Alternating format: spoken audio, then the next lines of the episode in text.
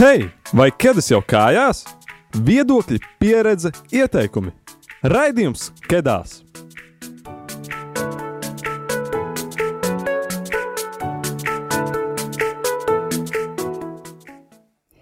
Hei, jaunieti! Un tiešām vai tev kedas jau ir kājās? Jo mums, Radio Marija Latvija jauniešu raidījuma Kedās komandai, uzsākot nu jau ceturto sezonu, ir tiešām jaunas un apņēmīgas kedas kājās. Bet par to, kas tad īsti ir raidījums Kedās? Tas ir jauniešu veidots raidījums, jeb mūsdienās mēs to saucam arī par podkāstu, kuram mērķis ir raisīt jauniešu vidū dažādas diskusijas par sabiedrībā aktuāliem tematiem – kā arī, protams, piedāvāt ieskatu dažādos viedokļos un iedvesmot pārmaiņām arī ikdienā, ko darīsim arī šajā raidījumā. Un raidījums Kedās skan Radio Marija Latvija ēterā mēneša pirmajā trešdienā pulksten astoņos vakarā, bet mēs esam atrodami arī Spotify un Hierdis platformās. Šī sezona būs pārsteigumiem pilna, un varam jau pačukstēt, ka ir notikušas nelielas izmaiņas mūsu komandas sastāvā, bet par to noteikti jūs uzzināsiet vēl laika gaitā. Un šodien arī jau būs iespēja iepazīties ar um, komandas dalībnieci, jauno komandas dalībnieci Lindu.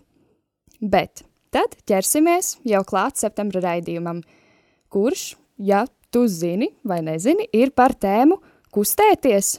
Nu, bet tad kāpēc? Un arī šodien ar savu sportošanas pieredzi dalīsies jaunieši un par kustību nozīmi runās fitnesa trenere Elīna. Tāpēc paliec ar mums! Jā, šodien esam nointervējuši divus kustīgus jauniešus, Inesi un Holgeru, kuri bija gatavi dalīties ar savu pieredzi. Un, ja tev, klausītāji, klausoties šīs pieredzes, rodas komentāri vai vēlme padalīties ar savu pieredzi, vari to īsi uzrakstīt uz numuru 266, 77, 272. Jā, paldies, Linda! Un, uh, Inesai un Holgeram mēs uzdevām jautājumus par skolas laika sporta pieredzi, par viņu pašreizējām attiecībām ar sportu un to, kas viņos ir radījis patiku pret kustību. Un tad es domāju, ka tūlīt jau varam arī klausīties šo divu jauniešu pieredzes. Labdien! Mani sauc uh, Holgers Falkmanis. Man ir 17 gadi, esmu no Daugopils, un es ar kustībām esmu ļoti tuvās attiecībās. Man kustībās, kustības principā ir ikdiena. Uh, es, uh, sā, mans uh, sporta, sporta karjera sākās ar, ar pirmo klasi, kad, kad es aizgāju trenēties futbolā. Futbolu es spēlēju no 1 līdz 3 klasē. Tad man tas kaut kā bišķiņa apnika un tā es aizgāju uz hokeju. Spēlēju hokeju sporta skolā. Nu, Daugavpils sporta skolā spēlēju hokeja komandā Daugavpils 5 gadus līdz 8 klasē. Man tas ļoti patika, bet es 8. klasē beidzu spēlēt, jo jo man bija plāns jau doties mācībās uz Rīgu pēc 9. klases, kas, kas arī ir piepildījies. Esmu, es tagad šobrīd mācos Rīgas dizaina mākslas vidusskolā, koku izstrādājumu dizainu. Un, jā, tāpēc es aizgāju no hokeja. Es, es sāku trenēties florbolā. Tas ļoti līdzīgs hokejam, un tāpēc, tāpēc man tas nebija, nebija tik grūti grūti veikt šīs pārmaiņas. Un, jā, tas arī ir daudz vieglāk, izdevīgāk. Uh, vieglāk tādā ziņā, ka vienkārši to aizies uz zāli un, uh, un spēlē. To nav. Pirmkārt, tas mazāk laika aizņem, un, uh, un hokejs ir arī dārgāks sporta veids. Uh, uh, sporta stundas. Uh, jā, sporta stundās uh, man, uh, man ļoti patika izkustēties. Man uh, patika sacensties ar klases biedriem. Man vispār patīk ļoti sacensties ar kādu gan sportā, gan arī kaut kur citur. Um, tas, kas man ļoti nepatīk, ir uh, zaudēt. Tā, tā, ir manā, tā ir mana vājā puse, bet uh, es, es cenšos, cenšos mācīties, no, mācīties no tādām kļūdām un, uh, un zaudējot, ne, man tagad tas vairs nesagādā tik lielas grūtības zaudēt.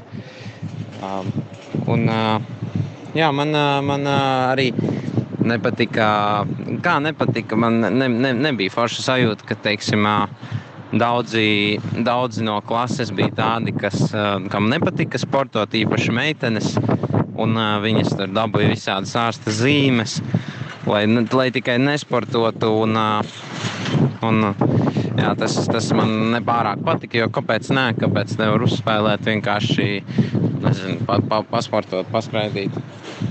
Uh, šobrīd, es, šobrīd es arī spēlēju floorbola. Jā. Um, es uh, gan nespēlēju nekādā lielā klubā, kaut kā man bija iespēja. Bet tur es arī man bija, man bija pāris lietas, kāpēc es negribu spēlēt tur. Un, uh, bet tā kā mēs, es dzīvoju kojās un uh, man ir sportiski draugi šeit.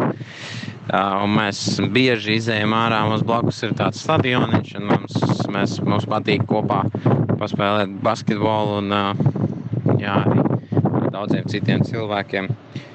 Um, jā, šobrīd arī ir sanācis tā, ka uh, jā, es esmu izveidojis sev tādu sportisku tēlu un, un, un daudziem esmu asociējos ar, ar sportu. Tāpēc, tāpēc teiksim, nometnēs, kurās es piedalos, kas, kas ir vairākas kristīgas nometnes, teiksim, oāze Mm, Šeminef kopienas jauniešu nometnēs pasākumos man parasti uztic vadīt sportošanas aktivitātes, kas man arī ļoti patīk.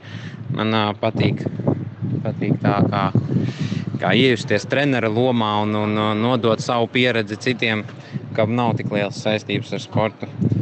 Un, jā, klausītāji, es jums novēlu, es jums ļoti, ļoti novēlu sportot, uh, izjust to sportošanas prieku un, un katru dienu atrast kādu brīteņu, iziet, iziet pastaigā vai, vai paskraidīt, jo tas ļoti forši, veselīgi un jā, esiet veselīgi un sportiski. Paldies! Par sportu pamatskolā un vidusskolā. Man ir palikušas kopumā ļoti pozitīvas atmiņas.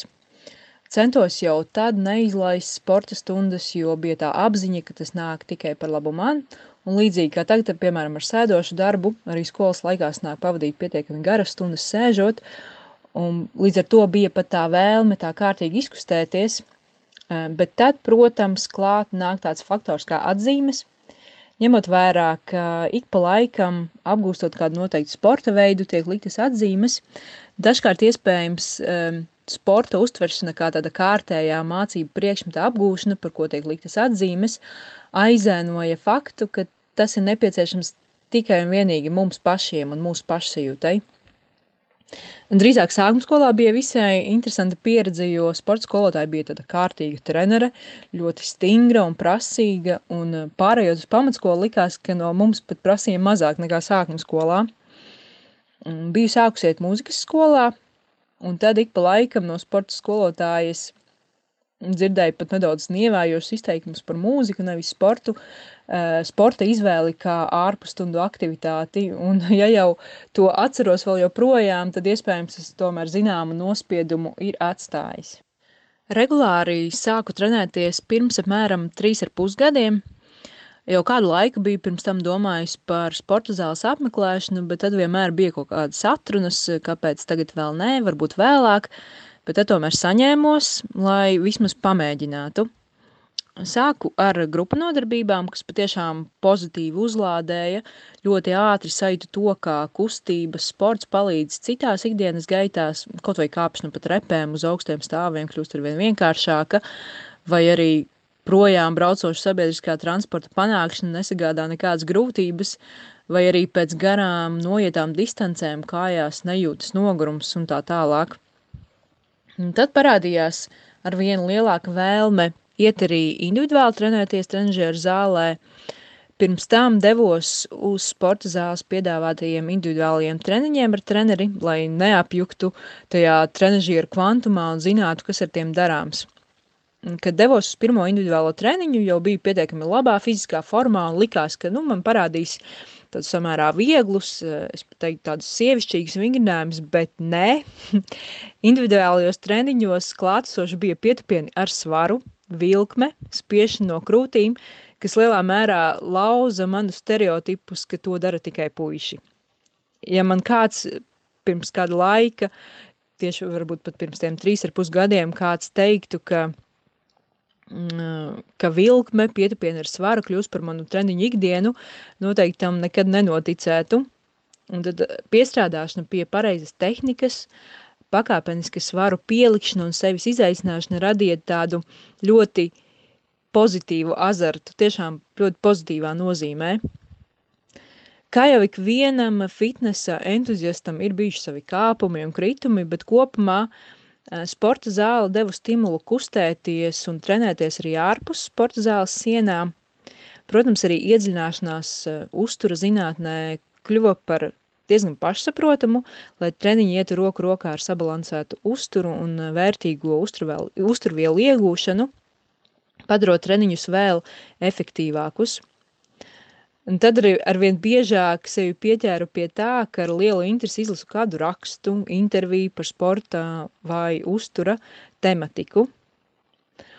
Un tad arvien biežāk iezagās um, doma par to, kādu papildu zināšanu iegūšanu jau profesionālākā līmenī. Un nu, ar lepnumu varu paziņot, ka pavisam nesen esmu uzsākusi studijas fitnesa trenera certifikāta iegūšanai – un ar lielu nepacietību gaidu, kā šis spērtais solis ietekmēs manas turpmākās sporta gaitas. Gribot un negribot, tomēr ir jāpiemina pandēmija, jo tā iestājoties jāatzīst, ka sportošana palīdzēja saglabāt fizisko un mentālo līdzsvaru, kad šķietami visa dzīve sagāja vienā burbulī. Patiešām lepojos ar sevi, jo tagad skrienu visu cauru gadu, brīžiem pat laikapstākļos, kad suņus nelaiž ārā, biju pati pārsteigta, cik ļoti man patika ziemas skrējieni. Protams, arī spēka treniņi svaigā gaisā kļuva par pavisam dabisku sastāvdaļu, ņemot vērā, ka sporta zāles bija aizslēgtas e, un nedarbojās.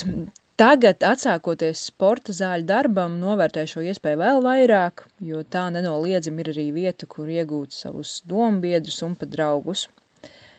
Mani fascinēja, cik ļoti Eh, šajā pandēmijas laikā cilvēki gribēja izkustēties, arī manā dzimtajā pilsētā aizkrauklē, pateicoties labvēlīgajai ziemai, tika ierīkotas distanču slēpošanas trases, ierīkotas āras lidotavas, organizētas grupu nodarbības svaigā gaisā, protams, ievērojot atļauto cilvēku skaitu.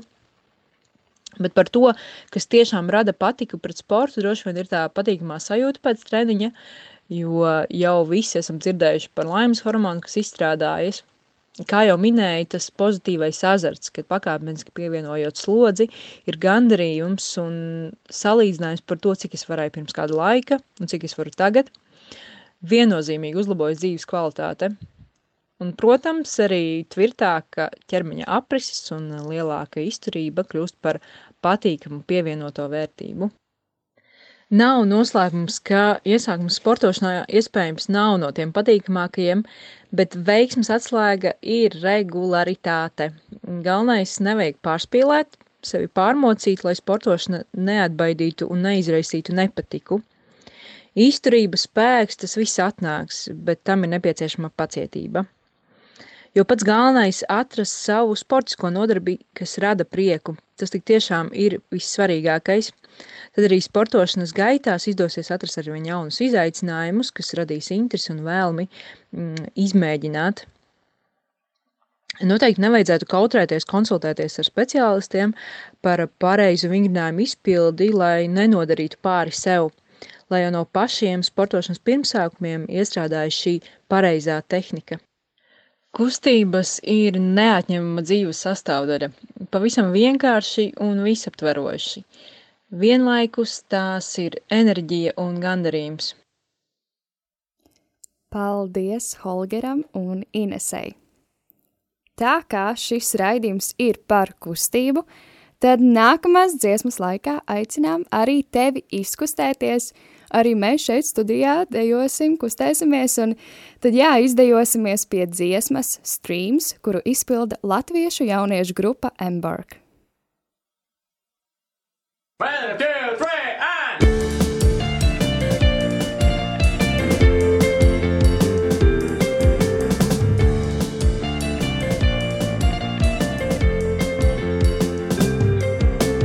Hey, it's only you can say you know the way, you know the best way how to escape.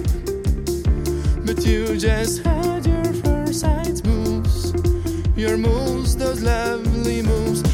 Wish you had no feelings, but someone that builds walls of dollars. But I'm not cash that you can change. We shine in different ways. So you think there is money that makes you free, that makes you free and stabs these dreams. You think there is money that lets you sleep, that lets you sleep and stabs these dreams. Oh, that stabs these dreams.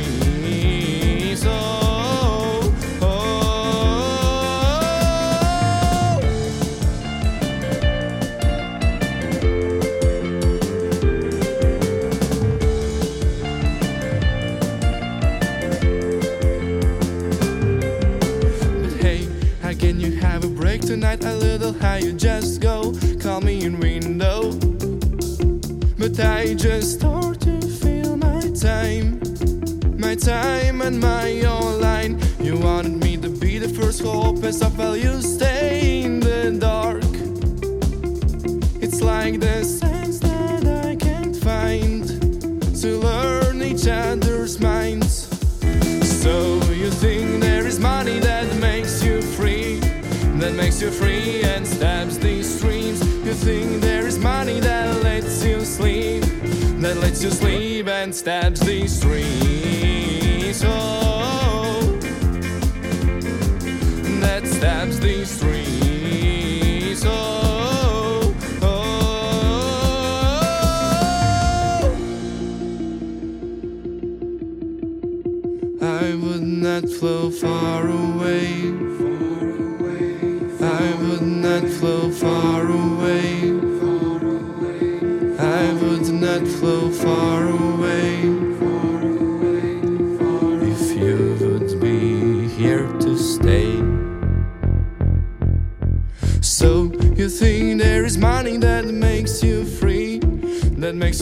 and stabs these dreams. You think there is money that lets you sleep, that lets you sleep and stabs these dreams,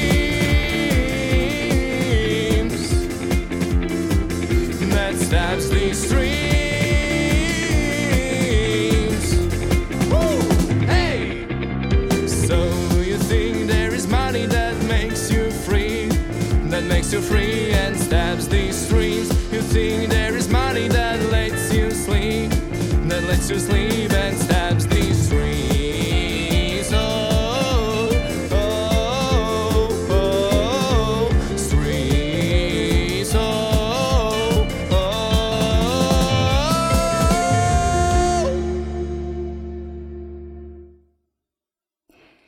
Un mēs esam atpakaļ no mūzikas pauzes, un tu klausies raidījumu Kedās. Pirms dziesmas dzirdējām jauniešu pieredzi, Holgera skatījumu par sporta stundām un to, kā Inese pārvarēja savus sporta stereotipus. Tātad septembra raidījums par kustību. Jā, un šobrīd mēs arī dzirdēsim ekspertas viedokli, bet tā kā eksperta nevarēja būt klātienē, šis ir ieraksts, bet tas nemazina jūsu klausītāju iespēju dalīties ar savu pieredzi un arī izteikt dažādus komentārus un rakstiet mums uz numuru 266 77 272. Jā, un vispār es ceru, ka tu raidījuma klausītājs zināja, ka mums kedās iepriekš ir bijuši tādi raidījumi kā produktivitāte, finanšu pratība, seksualitāte un vēl daudzi citi, kurus jebkurā laikā vari noklausīties Spotify, uzrakstot kedās. Un kā jau Linda arī minēja, šodien raidījumā dzirdēsim vēl fitnesa treneri Elīnu Un, jā, tā kā Elīna netika klātienē, saruna ir ierakstīta, bet tas noteikti nemazina sarunas vērtību. Elīna, vai tu varētu iepazīstināt ar sevi? Tātad mani sauc Elīna. Sveiciens visiem! Um, mans vārds ir Armansone uzvārds, un uh, jā, es esmu trenere jau kādus sešus gadus. Un ikdienā arī esmu jauniešu vadītāja un darbojos Latvijas evaņģēlas Lutriskās baznīcas jauniešu centrā un arī jauniešu nozarē. Līdz ar to um, pazīstu arī Sintī ne tikai saistībā ar šo raidījumu, bet arī ar jauniešu darbu. Un priecājos šeit būt un priecājos redzēt arī, kā jaunieši šeit darbojas. Super! Un tad tāds ātrs, īss aizbreakera jautājums. Cik pati daudz tu ikdienā kusties? Es domāju, ka vispirms ir jāsaprot, kas skaitās kustība. Un pēc definīcijas kustība nav tikai treniņi vai tikai sports. Tās ir arī ikdienas aktivitātes, un, lai to kā, ieskaitītu kā kustību, tai ir jābūt tādai, kas paaugstina jūsu kā, miera stāvokļa pulsu. Līdz ar to um, es domāju, ka es kustos ikdienā ļoti daudz un nosīt daudz pēc um, kaut kādas 5 stundas dienā vismaz, 5 līdz 8 stundas, kas ir tāda normāla fiziska aktivitāte, un tas ir arī vajadzīgs jebkuram cilvēkam. Un, ja, ja, ja mēs skatāmies, ja ir mazāk, tad jau var sākt domāt par kaut kādu trūkumu ikdienā, kustības trūkumu un tā tālāk. Bet nu, tādas, ja mēs skaitām tur pastaigas, piecelšanos kājās, aiziešanu kaut kur, atnākšanu atpakaļ, stāvēšanu kājās un visu kaut ko tādu, es domāju, es kustos, es cenšos kustēties pietiekami jo mans ķermenis, diemžēl, neļauj man nekustēties. Viņš man vienkārši atgādinās, ka viņš sāk justies slikti un ka man vienkārši kaut kas ir jāsāk darīt, jo mana mugura vienkārši pretosies tai nekustībai. Vai ēšana ir kustība? Ēšana nav kustība. Es varētu teikt, ka tā ir uh, varbūt pasīva aktivitāte, bet uh, tas noteikti neskaitās kā kustība. Jā. Noticēju tādā asarī. Žēl, žēl, es gribēju. Bet labi, tad uh, turpinot uh, runāt par šo kustību, un uh, tā varbūt vairāk vispārnāti, cik daudz vispār jā, cilvēkam būtu jākustas, tu nedaudz jau pieminēji, bet, uh, bet jā, ikdienā cik daudz būtu jākustas, un vai tas ir kaut kā mērāms un tā. Ja jūs pameklētu internetā, tad pēc Eiropas ieteikumiem jauniešiem un bērniem vecumā līdz 18 gadiem vajadzētu kustēties vismaz stundu dienā un tas ir minimālais kustības apjoms. Savukārt, ja mēs skatāmies uz pieaugušajiem, tad tās ir vismaz uh, 30 minūtes piecreiz nedēļā vai, vai 150 minūtes nedēļā. Tātad, uh, bet tas nav tā, ka es to iekļauju visu vienā dienā, bet tas ir par to, ka uh, mēs cenšamies viņus izlīdzināt pa visu nedēļu. Un būtībā es teiktu, ka vismaz 20-30 minūtes dienā būtu pats, pats, pats minimālākais, kad mēs kustamies. Un tā ir tāda apzināta kustība, piemēram, kaut kāda skriešana un riteņbraukšana aptuveni. Ja? Um, jā, tā skaitītos aerobā kustība. Tas, ko tu nosauc, skriešana un riteņbraukšana, ir aeroba kustība, bet es teiktu, ka pietiktu arī ar tādu veiklu iešanu, bet nevis tā, ka es valkos, nezinu, tur cik metru sekundē, tas jau pat īstenībā ir daudz centimetru sekundē, bet es vienkārši kustos tā, ka man nedaudz jau sāk aizrauties elpa, un kad man paliek silti, tad es teiktu, jā, ka tā jau ir tāda nu, kustība. Un vai vispār cilvēks var kustēties pārāk daudz? Um, ja mēs skatāmies vispār uz kustību kā tādu, tad kustība vai teiksim, tā fiziskas aktivitātes ķermenim rada stresu. Līdzīgi kā jebkas, ko mēs darām, tas nervu sistēmai ir kairinājums. Un līdz ar to ja mēs nodarbojamies ar fiziskām aktivitātēm pārāk daudz vai pārāk bieži, tad jā, tas ir kairinājums pārāk liels un nervu sistēma kaut kādā veidā nogurst. Tā kā, nu, tas pats, kas stress, tas pats arī fiziska aktivitāte rada kaut kādu kairinājumu. Līdz ar to fiziskas aktivitātes var būt par daudz ne tikai muskuļiem, bet arī nervu sistēmai. Tāpēc ir jāskatās, lai tas būtu tādā vienmērīgā un pielāgotā daudzumā, un vai visiem tas ir vienāds, tā nav. Jo ģenētiski var būt tā, ka ir izturīgāki cilvēki uz kaut kādu slodzi, arī uz stresu, un ir tādi cilvēki, kas ir mazāk izturīgi. Līdz ar to uh, es nevarēšu pateikt kā limitu, bet noteikti nevajadzētu pārspēt tur vairākas stundas dienā, kas vienkārši skriena vai tur uh, visu laiku, katru dienu noskriena pusmaratonu vai nezinu, kaut ko tādu. Tas noteikti būtu par daudz kādiem cilvēkiem, it sevišķi tiem, kas nav pieraduši.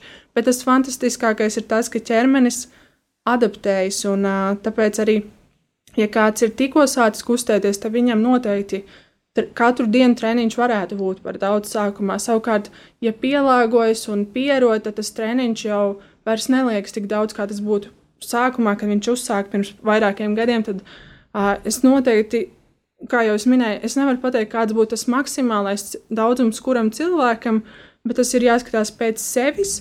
Un uh, agri vai vēl ķermenis pateiks, ka ir par daudz. Visticamāk, parādīsies uh, tiešām kaut kādas nervu sistēmas darbības traucējumi, kaut kādas trauksmes, kaut kādi nogurumi, izteikti miega traucējumi vai kaut kas tāds parādīsies. Un tas var būt arī no tā, ka vienkārši ir par daudz treniņu. Tāpēc vienkārši jāsako līdzi savai pašsajūtai, jāskatās, kā es jūtos, un jāsaprot, kas man ir par daudz. Bet, kā jau es minēju, galvenais skatīties, lai būtu vismaz tās 20-30 minūtes dienā, un jā, tad jau pārējo var pielāgot sev. Un, jā, tu jau minēji, ka tev ikdienā sanāk daudz darboties ar jauniešiem. Vai tu pati esi novērojusi kādas atšķirības starp uh, jauniešu un, uh, piemēram, nu, citu vecumu grupu kustēšanās paradumiem? Man liekas, ka ļoti tas, ko esmu novērojis, man personīgi ir žēl, ka ļoti daudz meitenes un puiši ja viņi, piemēram, pirms, nav, pirms tam nav nodarbojušies ar nekādu sportu, tad viņi tikai par to sāk domāt kaut kādā augstskolas vecumā vai nedaudz vēlāk, tad, kad sākās jau kaut kādas veselīgas, veselības problēmas un parādās kaut kādi simptomi. Tad viņi domā, oh, jā, kaut kas jāsāk darīt, jo redz, man sāp mugura, vai man sāp galva, vai man ir savilkts kakls. Bet eh, tas interesantākais ir tas, ka tās problēmas sāk veidoties jau agrāk, kā jaunībā. Jau Es arī aizgāju pie fizioterapeita ar muguras sāpēm. Viņš teica, ka tā mana problēma mugurā ir veidojusies 5 līdz 10 gadus, un es pusauģu vecumā vispār par to nedomāju. Un tā problēma ir tas, ka pusauģi jaunieši nejūt tos simptomus, līdz ar to viņi neapzinās, kāds varētu būt sekas. Un, un būtībā, ai, nu man jau ir viena alga, kā man nekas nesāp, man ir viena alga, kādas ietekmēs man nākotni.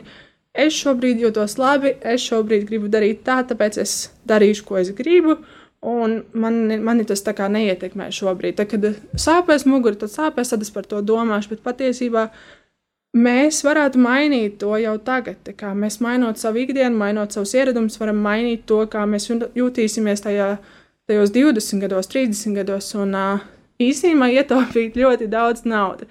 Jo es šobrīd, tā kā man sāpēja arī pēdējo, pēdējo gadu mugura, iztērēju 35 eiro par katru vizīti, un man vajadzēja divas reizes mēnesī iet pie fizioterapeita. Tas ir 70 eiro, un plus vēl kaut kādas zāles, plus vēl kaut kādi uzturbagātinātāji, vispārējais tur aiziet pāris simts eiro noteikti mēnesī, lai varētu sevi atkal uzlabot savu veselību un savu pašsajūtu.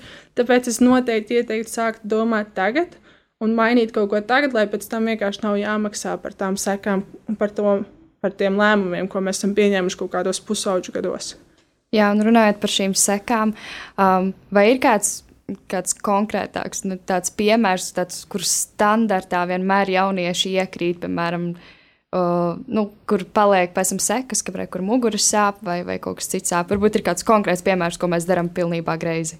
Um, tas, ko vislabāk es redzu, paskatoties uz 90 cik procentiem jauniešu ir stāja, un tas, kā tiek sēdēts, uh, Arī nesen mēs arī projektā, kad mēs atnācām uz apmācībām klātienēs, jo sen nebija bijusi uz tādām klātienes apmācībām, un es paskatos tiem jauniešiem arī bildēs, un lielākajai daļai ir šķības muguras, un visi sēž ar šķībām mugurām, un man īstenībā ļoti žēl, jo tajā brīdī arī katrs jaunietis nepadomā par to, cik liela slodze ir kaklam, cik liela slodze ir kakla muskuļiem, ka tas kā, samazina asins plūsmu uz smadzenēm, un ka tas reāli ietekmē smadzeņu darbību. Tajā brīdī tāds Ai, nu man tā vienkārši ir ērtāk, man vieglāk ir izgāzties, man vieglāk ir sakumt uz priekšu, man tā ir ērti sēdēt, bet patiesībā tā ietekme tajā brīdī fizioloģiski ir ļoti liela tieši uz smadzenēm un smadzeņu darbību un nervu sistēmu. Un tas kā, nes īstenībā liela atbildība, bet tas, ka mēs to nezinām, jā, neatbrīvo mūs no tā, ka mums būs jāsamaksā par tām sekām. Tāpēc Fantastiski ir tas, ka tie jaunieši, kas grib, kas klausās, kas izglītojas, ka viņi jau tagad var kaut ko mainīt, izvēlēties, kā viņi stāv, kā viņi sēž, kā viņi skatās telefonā, kā viņi sēž pie datora. Tā visa, tā visa lieta ir maināma. Tas ir vienkārši ieraduma jautājums. Tas pat nav tik sarežģīti.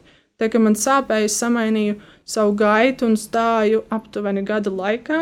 Tas nemaz nav tik grūti, tā kā vienkārši pamainīt tos ieradumus, kā es sēžu, kā es kustos.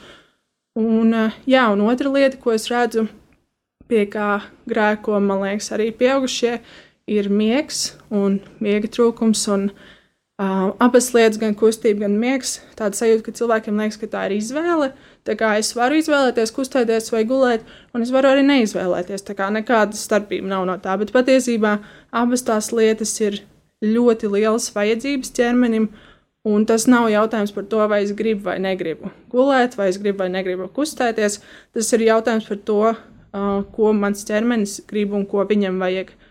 Un, ja es neizvēlos savu miegu, vai savu gulēšanu, vai to, tad, diemžēl, tas arī ietekmē mūsu visu ķermeņa darbību, gan gremošanu, gan to, kā mēs jūtamies, mūsu emocijas un visu pārējo. Līdz ar to tās ir tās divas lietas, ko es redzu, kas noteikti jauniešiem ir tas, ko viņi neizvēlās darīt lab, nu, labprātīgi. Jā, un turpinot runāt par lietām, kuras gandrīz lielākā daļa jauniešu dara nepareizi. Um, es esmu redzējusi tavus treniņus, mini reklāmu ar Elīnu, un, un, un es esmu jā, arī ievērojusi to, kā, piemēram, mani vienaudži sporta stundās uh, izdara kaut kādas sporta vingrinājumus, un kā piemēram tu tos paskaidro, vai ir tiešām, vai tiešām tam, kā veidojas mūsu stāja un vispār ķermeņa, kā mēs kustamies, ir arī tie, tik ļoti atkarīgs, piemēram, tas grādu leņķis, kā mēs noliekam kaut kādu pēdu vai, vai roku vai kāju. Tas, tas ir ļoti atkarīgs.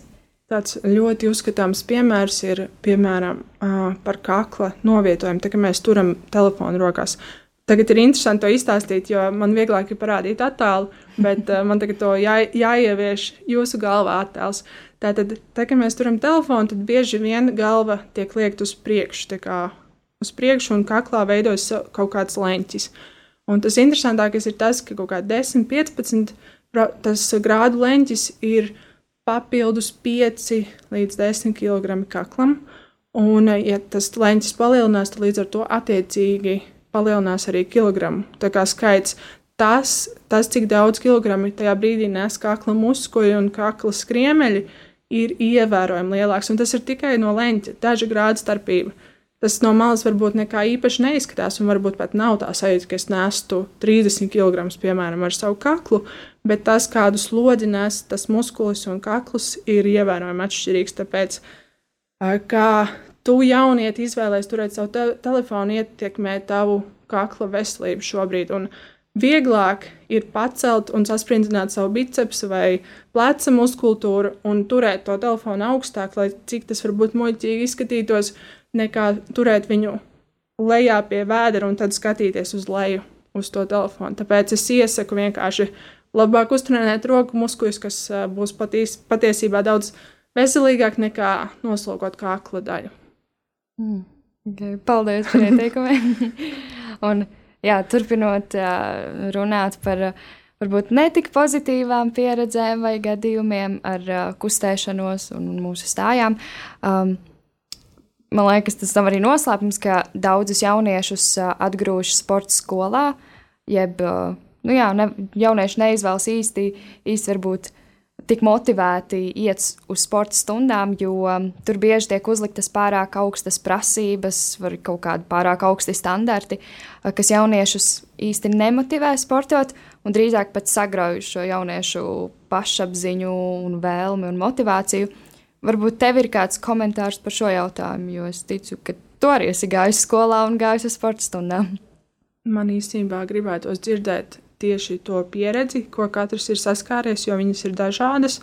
Un viena lieta varbūt ir, kas man liekas visļaunākais, kas varbūt ir tas, ka skolotājs pazemo visas klases priekšā kādu cilvēku. Tas man liekas briesmīgi, bet tas, ka no tevis ir kaut kas prasīts, man neliekas briesmīgi, jo tas ir vienkārši vērtējuma sistēma. Un tas, ka daudziem cilvēkiem ir perfekcionisms, un viņam nepatīk tas, ka nedabū desmitnieku. Tas ir cits jautājums. Jo man liekas, ka tas ir briesmīgi. Tas nav briesmīgi. Mēs vienkārši iemācāmies, ka mūs pēc kaut kā vērtē, un dab, nedabūt desmitnieku nav slikti.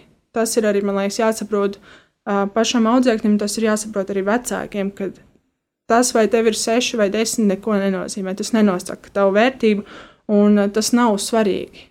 Būtībā, tāpēc es neuzskatu, ka tā vērtēšanas sistēma būtu slikta. Es vienkārši tādā veidā redzu, cik tālu es esmu tikusi kaut kādā. Piemēram, es joprojām nevaru piepumpēties vairāk par vienu līdz trīs reizēm, un sportā man būtu slikta atzīme, nu, vai punkti par šo vērtējumu. Un vai es jūtos no tā, tā kā sliktāks cilvēks, tā nav. Man ir vājas rokas, un es vienkārši to apzinos un es to varu uztrenēt. Varbūt man tas būtu grūtāk uztrenēt, bet es vienkārši to neuzskatu kā sliktu nu, kā īpašību, kas man pie, piederās, un tas ir tik briesmīgi, ka man nesanāk piepumpēties.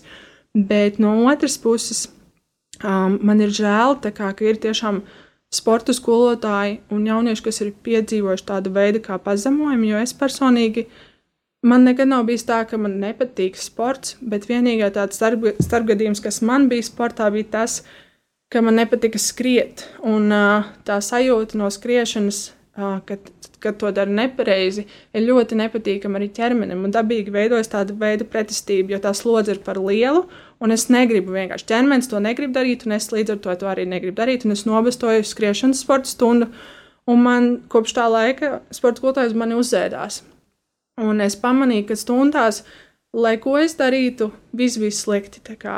Nekas, ka citi dara tāpat, Elīna, kāpēc tu tā dari? Elīna, kāpēc tu sēdi? Elīna, kāpēc tu nedari to? Elīna, kāpēc tev ir uh, četrnieks florbolā vai kaut kas tāds? Un tad es pamanīju, ka tas jau vairs nav par atzīmi, bet tas ir par to, kā viņa pret mani izturās. Un es vienkārši runāju ar mammu, jo manā mamma ir sports skolotāja, es saku, es, es nevaru izturēt to spriedzi, ka man visu laiku piesienās par visām lietām, ko es daru. Un, tā bija tā reize, kad mamma atnāca vienīgā reize, kad viņa atnāca uz skolu, lai parunātu ar skolotāju un noskaidrotu, kas ir par lietu, kāpēc, kāpēc manai meitai pirms tam bija visu laiku astotnieks sportā, un tagad pēkšņi ir piecinieks, un viņai pēkšņi izrādās nekas vairs nesanāk, kā bija pirms tam. Un, jā, un tad mēs vienkārši izrunājāmies, un ma mana mamma teica, vienalga, ko viņa tev saka, dari labāko, ko tu māki. Vienkārši dari labāko, kas tev sanāk, Un neuztraucies par to, kādas tev ir atzīmes, vienkārši dari. Un man īstenībā atzīmes pēc tam atkal pacēlās, jo viņa pamanīja, ka es gribu darīt. Un to man arī māma ir teikusi, kā sporta skolotāja. Viņa saka, man nav svarīgi, ka tas bērns, ka viņam sanāk vai nesnāk. Man ir svarīgi, ka viņš grib. Un es redzu, ka viņam iekšā ir tā vēlme, un ka viņš cenšas, un viņa to novērtē jau ar pietiekami labu vērtējumu, pat ja viņam nesanāk. Tāpēc um, man liekas, ka ļoti svarīgi ir mainīt attieksmi pret to uh, kustību, ka tas nav kaut kas briesmīgs un ka tas nav kaut kas pretīgs un tas man dara tikai sliktu, bet saprast, kāpēc es to daru, kāpēc man tas ir vajadzīgs un vienkārši darīt to, cik tu vari. Bet uh, par otru lietu, ko es tev. Ko es gribēju tev vēl pastāstīt, jo tu teici par to, ka prasības ļoti augstas. Īsumā pēdējā laikā, lai tiktu sporta akadēmijā, tikai ļoti mazs procents var nokārtot tos normatīvus, kas ir prasīti. Un agrāk bija daudz vairāk studenti, kas to varēja izdarīt, un tagad nāk skolēni no vidusskolām, un viņi vairs nevar to izdarīt. Un jautājums ir, um, vai prasības ir augušas? Nē, prasības krītās, bet mūsu spējas ir kā, samazinājušās gadu laikā. Un man liekas, tas ir tikai tāpēc, ka mums tieši prasības ir par maz. Nu, kā, ka mēs vairs necenšamies. Mums neviens nepiespiež sportot, un mēs vairs to nedaram. Ja, piemēram, labi, tas nav labs piemērs, bet padomu laikos kustība bija normāla lieta, un visi tur nodarbojās ar tām fiziskajām aktivitātēm, un bija tur, nezinu, raidījumi, kur visi kopā no rīta vingroja darbā un tā tālāk. Tad tagad tas vairs nav normatīvs, tā kā tas nav norma, un bērniem stāja ir pasliktinājusies. Agrāk stāja bija daudz labāka bērniem, daudz lielākam procentam bija ļoti laba stāja, tagad mūsdienās maziem bērniem jau ir muguras problēmas un jau ir stājas problēmas, kas ir īstenībā šausminoša statistika. Un, un tie, tie rezultāti arī parāda, ka ar vien sliktāk paliek. Tāpēc, jā, man liekas, ka prasības nav augstas, bet jā, kā attieksme mainās, cilvēkiem mainās attieksme pret kustību. Jā, man liekas, būs interesanti tagad um, novērot skolās pēc šī pusgada sēdēšanas mājās, sporta stundas caur Zoom vai caur datoru, kā, kā tad uh, viss notiksies arī par kaut kādām šīm augstajām prasībām. Un varbūt tev ir kādi ieteikumi, ko darīt jaunietim, nu, saskaroties vienkārši varbūt sporta stundās vai, vai kaut kā. Um, es kā cilvēks, kam patīk kā, vērot situāciju pirms es reaģēju, tad es noteikti vienkārši runātu. Un es vienmēr esmu runājis ar saviem skolotājiem, un man nekad nav bijušas arī problēmas attiecībās ar skolotājiem, jo vienkārši var pastāstīt, kā, ka es jūtos nedroši, un man, piemēram, šis jautājums liekas pārāk sarežģīts, es nesaprotu, kā izpildīt šo vingrinājumu, vai vienkārši izstāstīt, kādas ir tās problēmas. Un, piemēram, arī 12. klasē es pirmo reizi sāku iet uz konsultācijām, gan citos priekšmetos, bet vienkārši atzīt, ka man nesanāk kaut kas un paprasīt palīdzību. Un tas īstenībā ļoti grūti. Jaunietim ir sevišķi perfekcionistam, kuram vecāki dzen uz rezultātu un vecāki dzen uz atzīmi, un apzināties to, ka man kaut kas nesanāk un ka man varbūt ir sliktāks vērtējums par to, ir grūti, bet tas atkal ir par attieksmi. Tas nav pat īsti par kustību vai par rezultātu. Tas ir vienkārši par to, kā es skatos uz tām lietām. Un, jā, es domāju, nedomāt vienkārši par tām atzīmēm, nedomāt par to, kā tas izskatās, bet vienkārši komunicēt ar cilvēkiem, komunicēt ar klases biedriem. Man arī, piemēram, atnāca meitene vidusskolā no citas uh, gimnāzijas. Viņa arī teica, viņa ir riebs sports, man nekas nesanāk, es bastošu, es neiešu. Un mūs salika vienu reizi vienkārši pārī badmintonā. Un viņa tagad arī ir trenere. kustību var iemīlēt, tikai vajag būt ar cilvēkiem, kas uh, tev var palīdzēt to iemīlēt un uh, palīdzēt paskatīties uz to no citas puses. Un uh, turpinot runāt par kustību, kas pēc taviem novērojumiem jauniešus motivē kustēties un uh, nu jā, varbūt arī kā pašiem sevi labāk motivēt, kustēties, kur vispār var rast šo motivāciju. Un, uh, jā. um, ja tā godīgi paskatās, tad, nu, ja es tā reāli skatos uz to situāciju, tad kas jauniešu motivē kustēties, ir tas, kā viņi izskatās citu acīs. Un eh, īsumā man liekas, tas nav labā, tā nav labākā motivācija, un tā nav motivācija, kas paliks.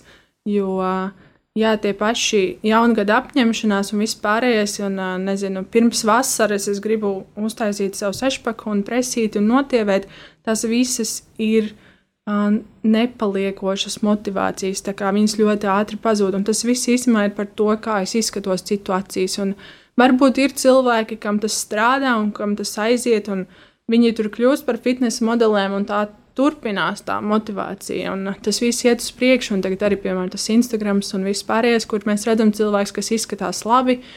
Es nerunāšu par to, kā tas notiek aizmugurē un vispārējais, bet, bet tā ir tāda sava veida motivācija. Es gribu izskatīties kā tas cilvēks.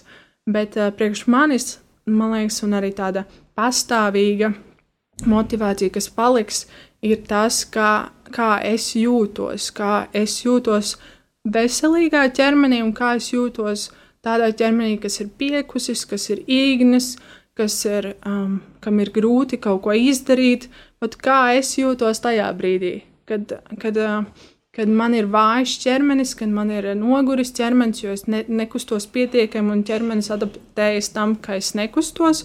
Un līdz ar to um, arī padomāt par to, kā tas ietekmē manu veselību, kā, kāda es būšu pēc pieciem gadiem, pēc desmit gadiem, kā tas, kāda es būšu pēc piecdesmit gadiem. Tas ir tas, kas man liekas, mani motivē kustēties, un ko es noteikti arī varu um, teikt, ko esmu redzējis citos labos influenceros, ir tas, ka viņi saka, jā, es vienkārši vairs nevaru nekustēties, jo tā sajūta, kad es kustos, ir pavisam citādāk un daudz labāk nekā tad, kad es nekustos. Manas spējas, mana produktivitāte aug, es palieku kā, jaudīgāk, es ātrāk reaģēju uz lietām, es varu ātrāk izdarīt lietas, es varu izdarīt daudz vairāk, un es tieši nācu un domāju par to piemēru, uh, ka es varu izdarīt desmit reizes vairāk lietas nekā kāds jaunietis, kas sēž mājās, un es būšu tieši tikpat nogurusi, cik viņš vakarā. Nav tā, ka es nogurstu desmit reizes vairāk, un es nevaru vairs nedēļu pakustēties, bet vienkārši tā, tā spējas ķermenim aug, un ķermenis pielāgojas. Tā kā, kā es vienmēr saku, pieprasījums rada piedāvājumu. Līdzīgi kā mūsu ekonomikas tirgū, tāpat arī ķermenī ir tā, ja es vairāk prasīšu no ķermeņa, tad arī manas spējas pieaugs. Un tā pašsajūta ir daudz labāka, daudz labāka. Tāpēc es nevaru to izstāstīt. Tas vienkārši ir jāizmēģina. Ja jūs pamēģināsiet, tad jūs sajūtīsiet, kāda ir atšķirība. Līdzīgi, kad es pamēģināju, kāda ir spoguļu kamera un kāda man bija tā digitālā kamera, tad es sapratu, ka spoguļu, spoguļu kamerai tā kvalitāte ir daudz lielāka un man vairs negribējās ņemt rokā to digitālo kameru. Tāpat es ar telefonu, kad es paņemu vecāku telefonu, es saprotu, ka šausmas nevaru ar viņu nu, darboties. Es gribu atpakaļ savu telefonu, kas bija jaunāks un labāks.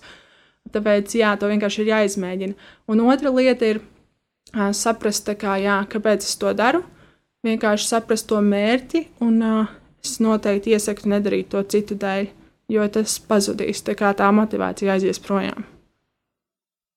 Un tad uh, nobeigumā uh, varbūt tev ir kādi praktiski padomi vai ieteikumi, kā sākt kustēties. Un, uh, nu jā, vai, piemēram, kad jaunietis iepriekš vispār īsti nav kustējies, vai ir kaut kāda pauze bijusi, Un, eh, nu jā, cik daudz iesākumā darīt un kam tad īpašāk pievērst uzmanību? Es varu uzreiz pateikt to, kas man ļoti nepatīk, ko cilvēki dara, ir paņem visus tos izaicinājumus, piemēram, tur nezinu, simts pietupienu dienā veselu mēnesi. Es noteikti iesaku neņemt vingrinājumu vienai ķermeņa daļai. Tā kā ņemiet vingrinājumus, kas ir vairākām ķermeņa muskuļu grupām, kas attīsta jūs vispārīgi, kā, kad jūs sākat. Uh, Nevis es kačāju tikai kājas, un man uzauga muskuļi tikai uz kājām, bet es strādāju pie muguras muskultūras, strādāju pie vēdera muskultūras, strādāju pie kājas un ro kāju roku muskultūras. Un tādā veidā es būtībā attīstu sevi vispārīgi. Tas, man liekas, ir tāds pats galvenais, ko es ieteiktu. Ja kāds sāk ņem vingrinājumus un vingrinājumu programmas, kas ir visām muskuļu grupām, otra lieta, ja jūs jūtat, ka jums kaut kas sāp vai jūs kaut ko nesaprotat, vienkārši konsultējieties ar speciālistu. Vai jums ir kāds draugs treneris, vai jums ir kāds fizioterapeits pazīstams, vai arī nav pazīstams. Vienkārši aiziet pie speciālista, pajautājiet, saprotiet, kas ir par lietu, kas ir par problēmu, jo tik daudz kļūdas var izdarīt, kuras pēc tam atkal būs grūti atgriezt atpakaļ. Un uh, vienkārši parunāt, pajautāt, pirms uzsākat, vienkārši parunājieties ar kādu, uh, droši pastāstiet, kas jums sāp, kas jums nesāp, kas jums, kā jūs jūtaties ikdienā, un tas viss palīdzēs uzsākt daudz vienkāršāk. Un tāds minimālais, ko es teicu pašā sākumā, ir tās 20, 30 minūtes dienā. Es, piemēram, arī šodien izvēlējos atnākt ar kājām uz šejienu no, no vecrīgas. Līdz ar to tās bija 30 minūtes ar kājām, un es jau esmu sakrājis tās savas 30 minūtes, kas man šodien bija vajadzīgas. Uh, Un nākamā lieta, kas ir vienkārši ikdienas aktivitātes, izvēlēties kāpt pa kāpnēm. Jūsu izvēle ir aiziet kaut kur ar kājām uz veikalu, nevis, piemēram, vienu pieturu pabraukt ar transportu vai ar mašīnu. Tas ir jūsu izvēle, vai jūs braucat ar velosipēdu, vai jūs braucat ar elektronisko skūteri. Tas viss ir vienkārši katra viena izvēle, un jūs varat izvēlēties, labi, es šodien nebraukšu ar transportu, es braukšu ar riteni vai es aiziešu ar kājām tās 3, 4 pieturas. Tas jau neko īsti nemaina. Es vienkārši jutīšos labāk pēc kaut kāda laika. Super! Lielas paldies! Es tiešām domāju, ka šī ir tēma, kas um, katram jaunietim ir dzīvē, un, un, un mēs katru dienu ar šo saskaramies. Paldies par visiem superīgiem ieteikumiem. Es domāju, ka noteikti mūsu klausītāji ņems to vērā. Um, pat ja, diemžēl, mēs uh, neesam video formātā, tad, uh, tad uh, tāpat, uh, man liekas, Elīna ļoti labi visu paskaidroja. Jā, ja jums interesē arī kāds video formāts, droši varat mani pameklēt arī internetā, Facebookā un YouTube, un tad jau varbūt arī kaut ko vairāk varēšu pastāstīt citās tēmās. Jā, tiešām paldies par to, ka Elīna piekrita šai tādai sarunai, un, bet tomēr mums šobrīd ir pāris ziņas studijā no kādiem klausītājiem. Paldies par iedvesmu sportot. Kādu laiciņu pirms pandēmijas apmeklēju trenižieru zāli, kad visu aizvēra sportošanas in Inerce turpinājās un vingroja mājās vai ārā, sekojot YouTube padomiem. Tobrīd sapratu, ka grūtāk ir saņemties sākt, bet turpināt ir vieglāk. Uh, un otrs ir paldies par superīgas tēma sezonas atklāšanai kustos pārāk maz, bet šis noteikti būs pamudinājums izdarīt jaunas apņemšanās, sākt, sākot ar septembri. Un vēlamies pateikties paldies kurie, visiem, kuriem klausās, un visiem, kuri ir atsūtījuši savas, savus atbalstu un savu, uh, savus pieredzes stāstus. Jā, un lai izdodas katram klausītājam, ja šī raidījuma laikā radās kādas pārdomas par to, vai tiešām piecelties kājās un kustēties, un es tiešām ļoti ceru, ka jūs kustējāties dziesmas laikā kopā ar mums. Bet nu tad paldies vēlreiz Elīnai, Inesai un Holgeram, un arī tev, raidījuma klausītāji, ka biji šodien ar mums.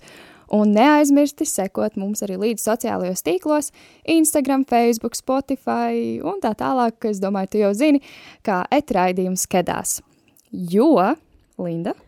Jo mums ir vērts sekot arī tādēļ, lai uzzinātu, kādi ir nākamie raidījumi, bet kā turpinājums šim raidījumam par tēmu kustība būs arī neliels izaicinājums saistībā ar kustību, kuru noteikti iesaku tev pamēģināt. Un uh, tad tiekamies vai nu sociālajos tīklos, vai jau nākamā mēneša raidījumā. Atā!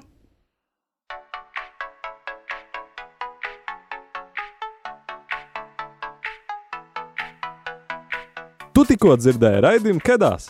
Seko mums Facebook un Instagram etraidījums Kedās. Tiekamies katru mēnešu pirmajā trešdienā, pulksten astoņos vakarā.